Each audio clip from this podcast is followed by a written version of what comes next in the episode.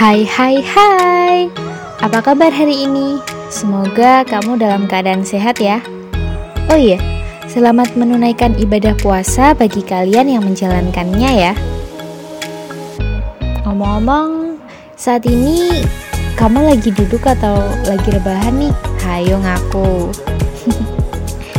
Memang ya, saat dalam kondisi pandemi seperti ini, kita akan lebih sering merasa bosan tapi sekalinya kita ada deadline tugas atau bahkan kita ada agenda membantu mengurus keperluan rumah, kamu akan lebih banyak bermalas-malasan sampai akhirnya kalian tidak produktif. Kalau deadline tugas masih lama, pasti lebih suka menundanya hingga akhirnya Hamin satu baru tugas itu dikerjakan. Bener nggak nih? Sebenarnya sih nggak masalah ya dengan pilihan menjadi pecinta deadline. Tapi yang jadi masalah jika kita terlalu meremehkan sesuatu sehingga sesuatu yang lebih besar akan menimpa kita. Nah, untuk itu, kali ini aku akan membahas tentang tips and trick pembelajaran daring. Langsung aja kita mulai yuk. Yang pertama, motivasi diri.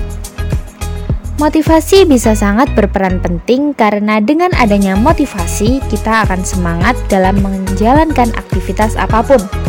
Dengan memiliki orang-orang yang mampu mendukungmu untuk selalu belajar, maka akan menambah aura positif dan bisa menjadikanmu giat belajar loh. Tapi, yang gak kalah pentingnya adalah motivasi dari dalam diri kita sendiri. Karena jika sekitar kita mendukung giat belajar, tapi kalau dari dalam diri kita sendiri sudah malas, nggak akan bisa merubah apa pun. So, wake up guys. Yang kedua, harus selalu up to date. Sebagai pelajar ataupun mahasiswa, kita harus banget nih rajin-rajin cek laman sekolah atau laman kampus kita untuk sekedar mengecek kembali grup WhatsApp kelas atau sosial media lainnya yang menunjang aktivitas belajar kita. Hal ini dilakukan supaya kamu mendapat informasi terkini terkait tugas maupun pengumuman terbaru yang bersifat penting. Jadi, gak apa-apa kok sering cek HP buat lihat deadline tugas, asalkan jangan mengharap lagi chat dari mantan ya. Ups. Yang ketiga, Pilih tempat yang nyaman. Memilih tempat yang nyaman dimaksudkan untuk kita belajar, bukan terjebak dalam zona nyaman ala-ala kamu yang sedang di friendzone aja. Dengan memilih tempat yang nyaman, kamu akan semangat untuk membaca ataupun mengerjakan tugas-tugas lainnya. Satu tips dariku, jauhkan dirimu dari kasur. Nanti jadinya batal nugas dan akhirnya malah rebahan sambil stalking doi. Jadi, pastikan kamu duduk dengan posisi belajar yang baik dan letakkan buku atau laptop pada meja belajarmu. Yang keempat, siapkan media belajar atau alat belajar penunjang lainnya. Kamu bisa juga menyiapkan air minum atau camilan untuk menemani hari-harimu yang sepi. Eh, bukan, maksudku untuk menemanimu belajar ya.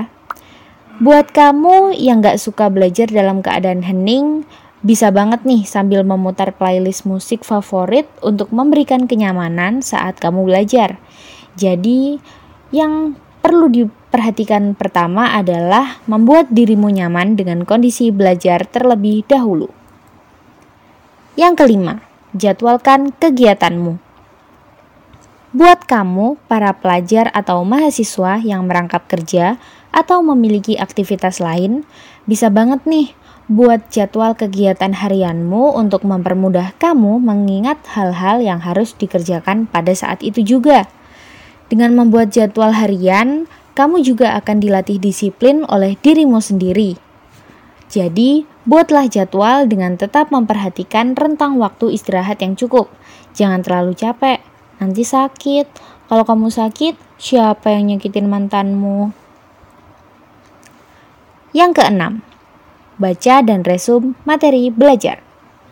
Setelah pelajaran usai, kamu bisa membaca kembali materi yang telah dibahas dan buat resum atau rangkumannya. Hal ini bertujuan untuk melatih konsentrasi dan menguji seberapa paham kamu dengan materi yang telah diajarkan. Yang ketujuh, luangkan waktu untuk bersantai. Buat kamu yang suka nonton drakor, anim, atau genre film lainnya, atau mungkin kamu yang suka rebahan aja sambil scroll medsos sambil dengerin musik atau makan camilan, bisa banget nih menyelipkannya di sela-sela kesibukan belajarmu. Tapi, tetap pastikan waktu bersantai yang tidak terlalu lama dan tidak terlalu sebentar. Hal ini bertujuan untuk mengumpulkan kembali semangat belajarmu yang telah terkikis oleh waktu, seperti cintamu ke, ke mantan. Yang terakhir, jaga kesehatan dan kebersihan. Dengan waktu istirahat yang cukup, selalu makan makanan bergizi, rajin olahraga, bisa dipastikan kesehatanmu akan baik-baik saja. Namun, yang tak kalah penting adalah menjaga kebersihan, terutama kebersihan lingkungan belajarmu. Jika kamu selalu belajar di meja belajar, maka pastikan mejamu bersih atau tidak berantakan.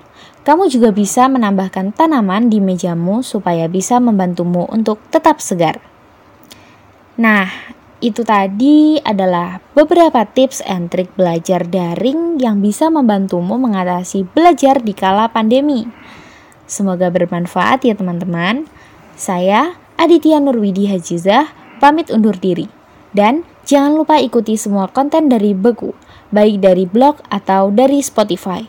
Follow aja akunnya Beku supaya kamu gak ketinggalan bahasan lainnya. Sampai jumpa!